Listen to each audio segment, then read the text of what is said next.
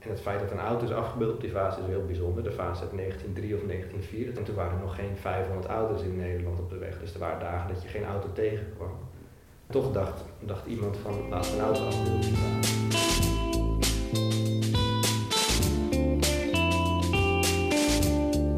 Hallo en welkom bij een nieuwe aflevering van Kunsthoop. Vandaag ga ik in gesprek met Jan de Bruin, conservator toegepaste kunst bij het Kunstmuseum in Den Haag, zoals het sinds 1 oktober 2019 heet. We zitten hier wel op een heel erg bijzonder moment in de geschiedenis. Deze opname maken we op 30 september 2019, de laatste officiële dag dat we nog gemeentemuseum Den Haag mogen zeggen. Het museum heeft een lange geschiedenis in het verzamelen van toegepaste kunst.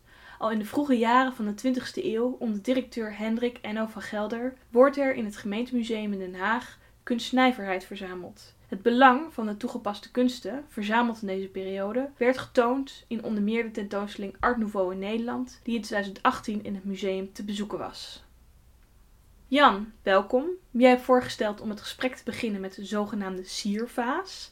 Een object ongeveer 44 centimeter hoog, gemaakt in 1903-1904 in de Plateelbakkerij in Gouda. Waarom is dit zo'n bijzonder object? Ja, ik vond het een leuk object om, om mee te beginnen, omdat ja, het, het, het, object vormde een soort het vertrekpunt voor, voor de tentoonstelling op Art Nouveau in Nederland. Dus, dus de periode in de toegepaste kunst, waar de, de bredere kunsten rond 1900 in Nederland. En het vormde ook een beetje het vertrekpunt uh, in het boek wat, wat bij die tentoonstelling verscheen. Het is eigenlijk een heel atypisch object in onze collectie en daardoor was het heel interessant om uit te lichten. Het is om twee redenen atypisch. Ten eerste omdat het qua vormgeving een stroming vertegenwoordigt die eigenlijk bijna niet in onze collectie uh, vertegenwoordigd is, namelijk eigenlijk de smaak van het brede publiek rond 1900. Het is een vaas, dik 40 centimeter hoog, die bewust is gemaakt om te beantwoorden aan de, internationale smaak die op dat moment populair was. Dus de vorm en taal spreekt heel erg aan, uh, of sluit heel erg aan bij de, bij de Franse en Belgische art nouveau. Heel floraal, heel decoratief, vrij uitbundig. En dat was eigenlijk de smaak die bij bij een breed publiek in Nederland vertegenwoordigd was. Maar eigenlijk dus niet zo bij de, bij de elite en bij de, bij, de, bij de predikers van de goede smaak. En daarmee dus weinig vertegenwoordigd in, in onze collectie.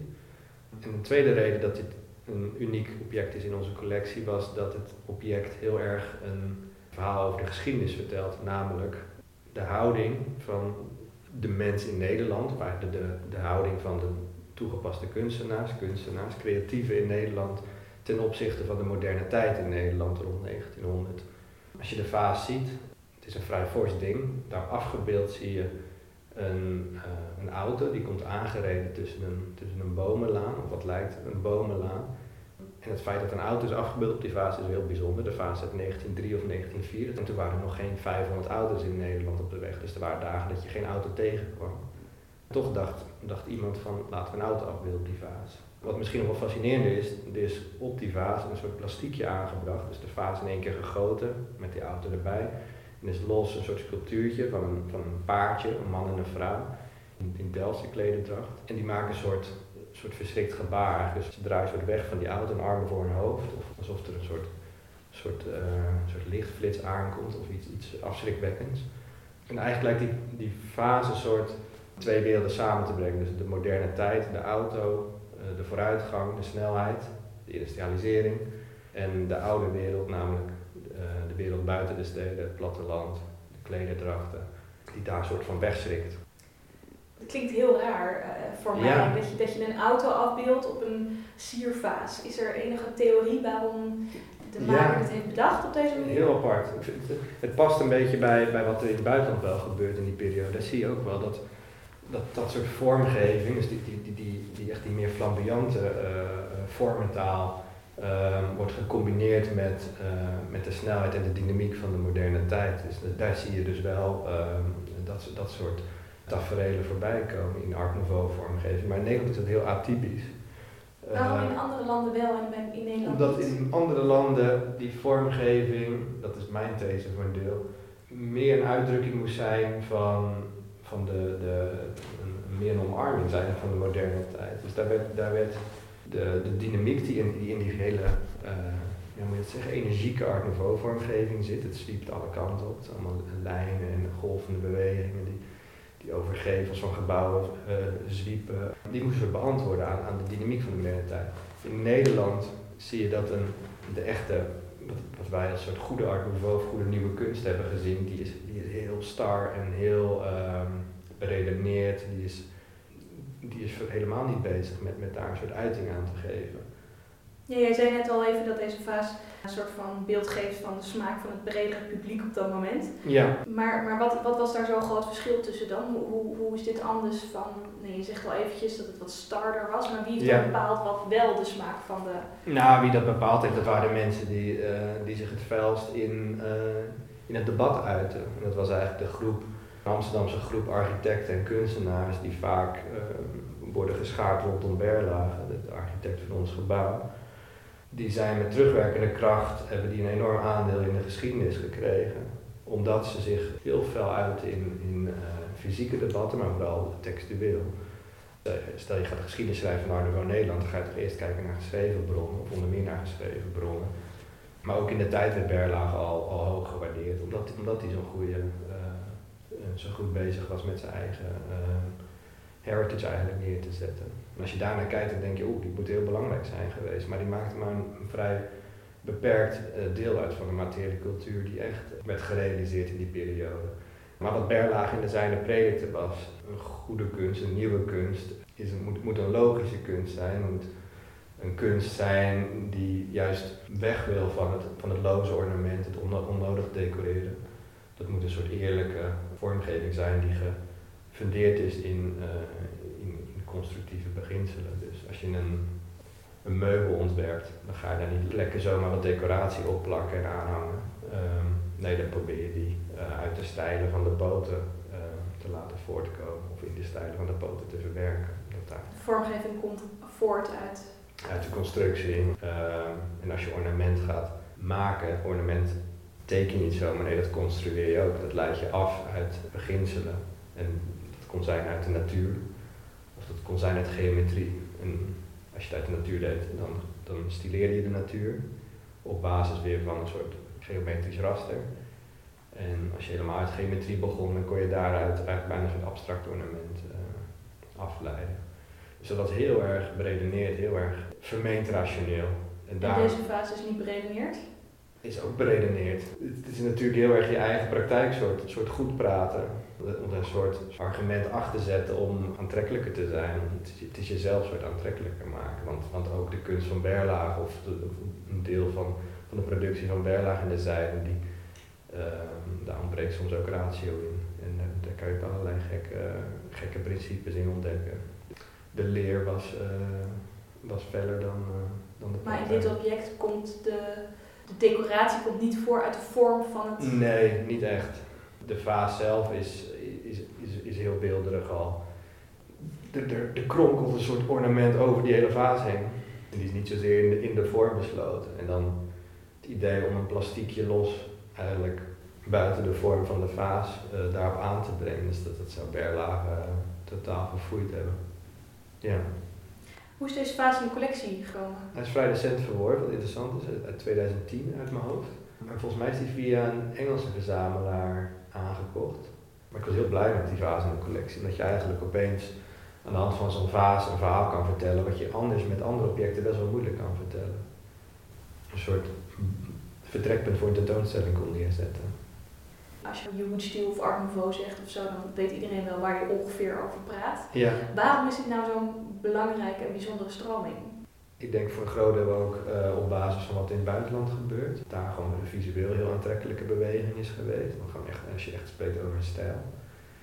In Nederland vind ik een hele relevante beweging, omdat je, als je echt gaat kijken naar de motieven onder die beweging, dan zie je eigenlijk een soort weerslag of, of, of eigenlijk al een soort voorloper van wat je op andere momenten in de geschiedenis ook ziet. Namelijk de tijd, de moderne tijd, wat die ook mag zijn. Op dat moment zie je een, uh, zie je een sterke industrialisering, zie je een sterke verstedelijking, zie je een uh, verandering in uh, consumentengedrag.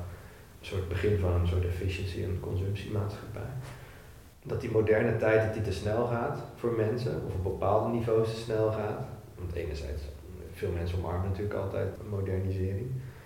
En dat je daar een soort reactionaire beweging op krijgt, die een soort vermeende zoektocht zijn naar iets van authenticiteit, iets van echtheid, iets wat, uh, als, wat verloren dreigt te gaan. Rond 1900 zie je een enorme fascinatie ontstaan voor, voor de natuur, als reactie eigenlijk op de verstedelijking en de, de, de, uh, de naar de steden. Je ziet een enorme fascinatie ontstaan voor andere culturen. Ook omdat mensen opeens daarmee in aanraking komen doordat allerlei internationale uh, transportnetwerken en verbindingen worden gerealiseerd. En men meent van ja, in, het Verre Oosten, wat dat ook mocht zijn in die periode, daar, of in andere delen van de wereld, daar vind je nog een soort meer authentieke uh, culturen en ook materiële culturen. En je ziet een fascinatie ontstaan voor het ambacht, wat dus met industrialisering, die in Nederland helemaal niet zoveel voorstelde, verloren krijgen te gaan. En eigenlijk zie je dit soort reactionaire bewegingen weer op een ander niveau, maar dat zie je in alle tijden terugkeren en in, in onze tijd nu ook weer door digitalisering, technologisering. Nou ja, je kan, je kan de meest waanzinnige dingen tegenwoordig met, je, met alleen maar je telefoon. Enerzijds omarmen we dat, dat vinden we fantastisch, want het brengt de hele partij comfort met je mee, maar het brengt ook een partij onrust en uh, mindere kanten met zich mee. En dan zie je dan weer reacties op ontstaan in de vorm van, nou ja, mensen gaan naar gekke barbiers, um, moderne ambachtsmensen die, uh, die netjes gaan stileren. Mensen gaan zelf hun worsten lopen draaien.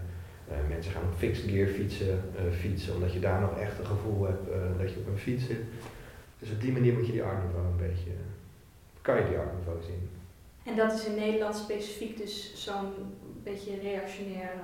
in Nederland sterker is dan in andere landen is geweest. Is, is daar een reden? Is daar een ik denk dat, voor? Ik denk dat men in Nederland meer het idee had uh, dat men in de verdrukking kwam ten opzichte van omringende landen. Waar eigenlijk die, die bewegingen sneller gingen. Je ziet een sterke vorm van nationalisme ook de kop opsteken. Dus ook enorme uh, drang om, uh, om streekculturen vast te leggen en ook te presenteren. Klederdrachten. Dus op de wereldtentoonstelling in Parijs in 1900 zie je een enorme aandacht voor Nederlandse streekdrachten iets als het Openluchtmuseum in Arnhem is opgericht in 1912, wat eigenlijk nog een beetje aan het eind van die periode valt. Maar ook echt vanuit een drang om, om al die culturen in Nederland uh, te documenteren en ook te, te, presenteren. En je ziet ook in, in textuele verhandelingen een enorme aversie tegen wat er in het buitenland gebeurt. De ploertigheid van de Duitsers, de verwijfdheid van de Belgen. Um, en dat zie je in andere landen ja, je gaat natuurlijk uit van de Nederlandse, ja. jouw onderzoeksgebied, maar heb je het gevoel dat je dat in andere landen... Ik heb het idee dat men daar zich niet zo heel veel kon aantrekken van wat wij in Nederland uh, aan het doen waren. Ja. ja, en voor een deel vonden ze... Je, je ziet het gewoon alleen al in hoe, hoe uh, die internationale manifestaties worden behandeld. Ja, dat vindt men Nederland niet heel spectaculair. Sommige dingen zijn, vinden ze dan eh, degelijk ontworpen of goed ontworpen, maar... Uh, ja, als je het meer kijkt vanuit, vanuit wat er op internationaal niveau gebeurt, dan is wat Nederland doet vrij saai. Maar wij waren er zelf heel erg over spreken. We waren zo rationeel, zo nuchter en zo degelijk. Toch had je in Engeland ook wel duidelijk een reactie tegen industrialisatie. ja, zeker.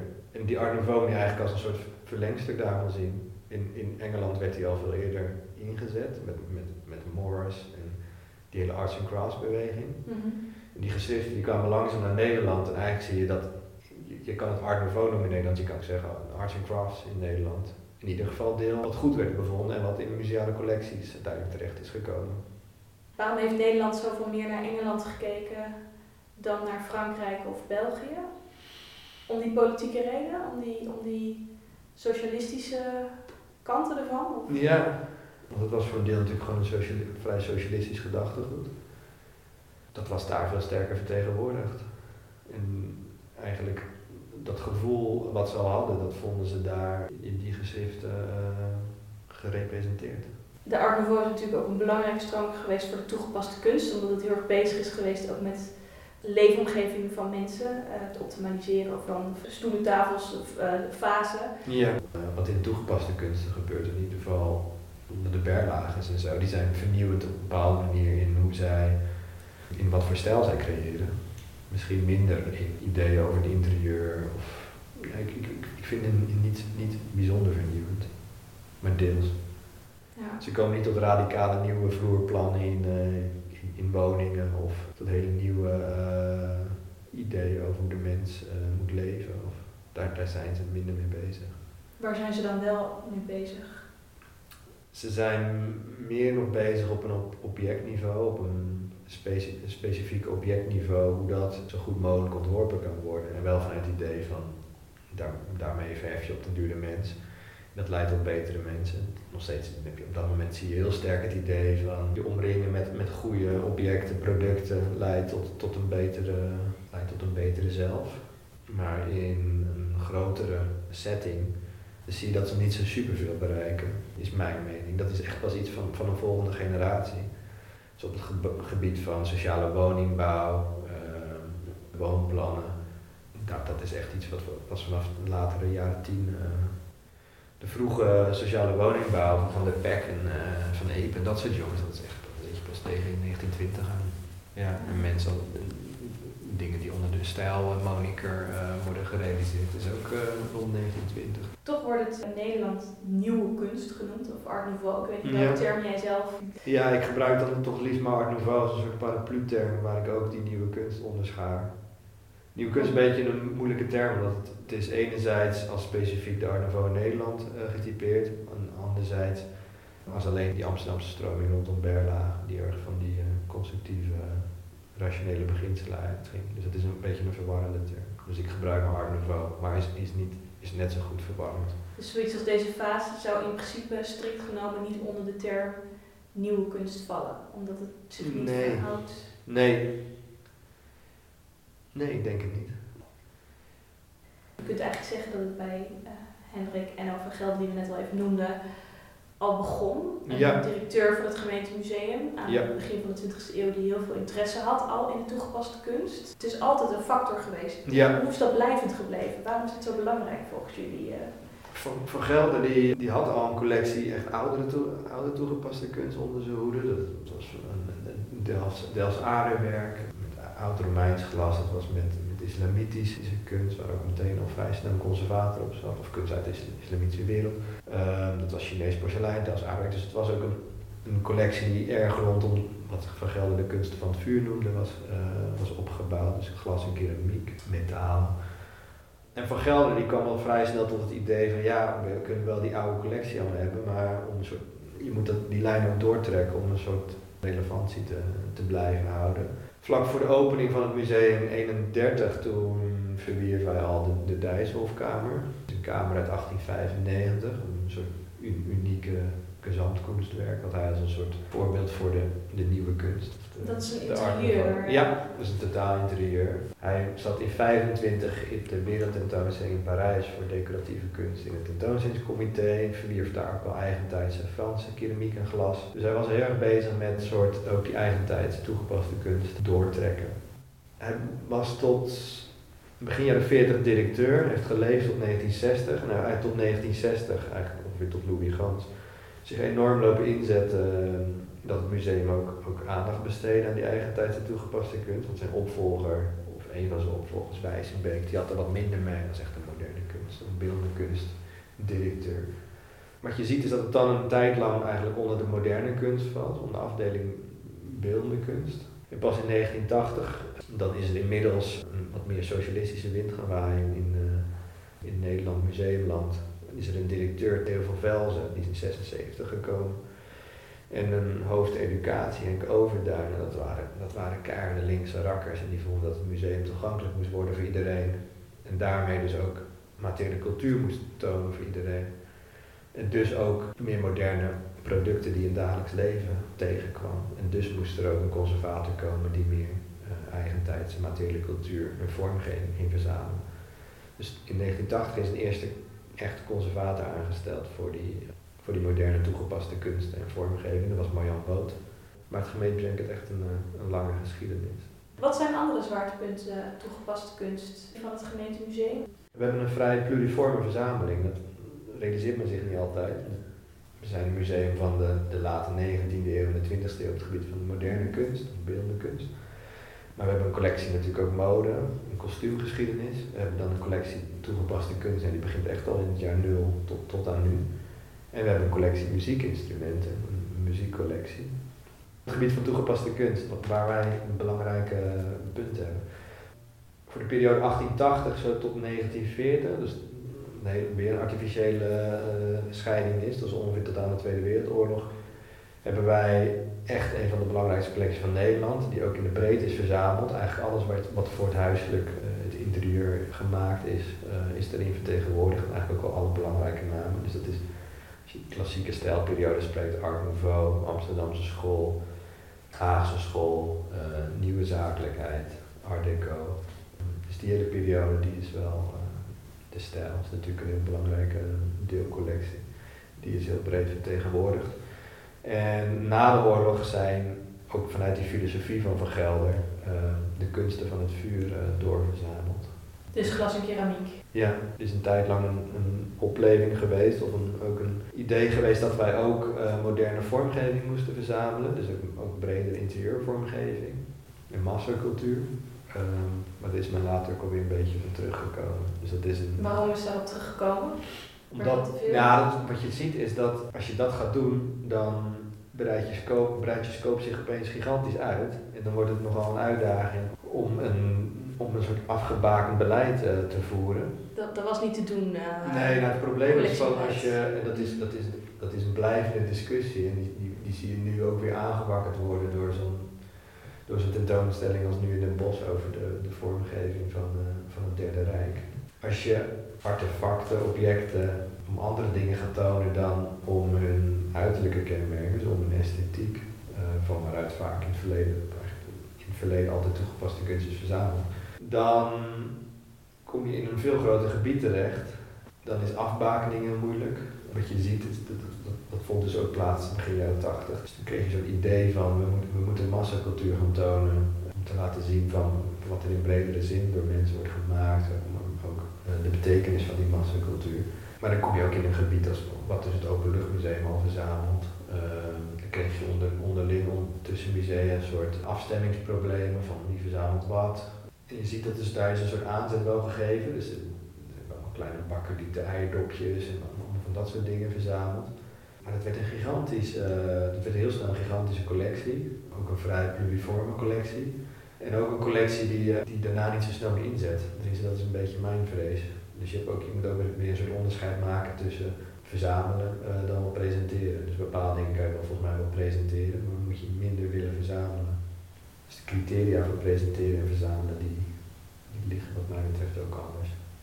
Je kan wel inderdaad elk eierdopje gaan verzamelen, maar Precies. ga je dan een tentoonstelling maken over eierdopjes? Precies. Um, Plus, waarom zou je het gaan verzamelen als het nog uh, breed voorhanden is voor een deel? Of je kan het makkelijk ergens lenen. Ja. Dus ik vind een, de, de reden om iets te verzamelen moet ook wel zijn dat, je het, dat het echt belangrijk is om het uh, te behouden. En, en dat het bijzonder is in zijn moet in vorm? Zin, ja, als het bijzonder is en vrij uniek en, en, je gaat het, en je gaat het vaak presenteren, dan heeft het zin om, uh, om het echt in je depots te gaan opslaan. Ja, want je depotruimte is ook maar zo bij zoveel ja. meter, vierkante meter. Ja, dat is ook een terugkerend probleem door de geschiedenis heen. In elk museum op dit moment. Ieder museum, ja. Is er een groot verschil in het organiseren van een tentoonstelling over toegepaste kunst in verhouding met een tentoonstelling over schilderkunst? Kijk jij nou op een andere manier tegen het maken van een tentoonstelling aan dan een ja. collega?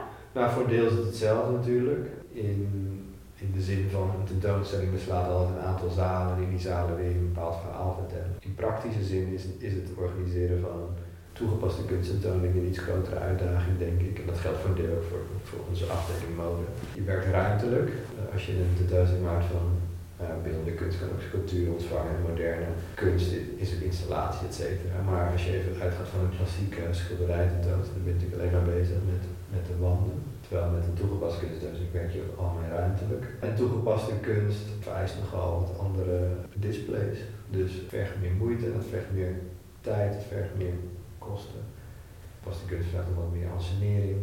Waarom vraagt het op meer ansenering? Nou, als je een tentoonstelling maakt over Art Nouveau, wat in het verleden wel eens gebeurd, dan kan je het wel vrolijk in zo'n white cube opstelling neerzetten. Dus in een witte, in een witte museumzaal. Maar enig gevoel voor die objecten echt uh, in het verleden bedoeld zijn geweest, dan wel gefunctioneerd hebben.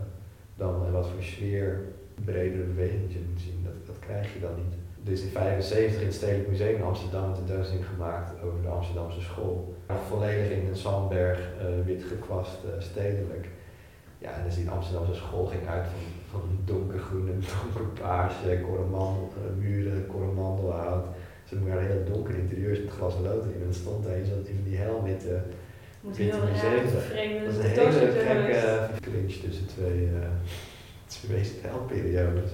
Dus toen we Art Nouveau hebben, hier hebben gehad, ja, dan, dan, zie je dat, je dat je alleen al aan schilderskosten gewoon een gigantisch uh, deel van je tentoonstellingsbudget moet, uh, moet vrijmaken. Alle objecten hebben eigenlijk een, toch iets van een, een sokkeltje of lodder nodig om ze iets los te maken van, van de vloer. Of was het alleen maar om te voorkomen dat mensen er tegenaan lopen.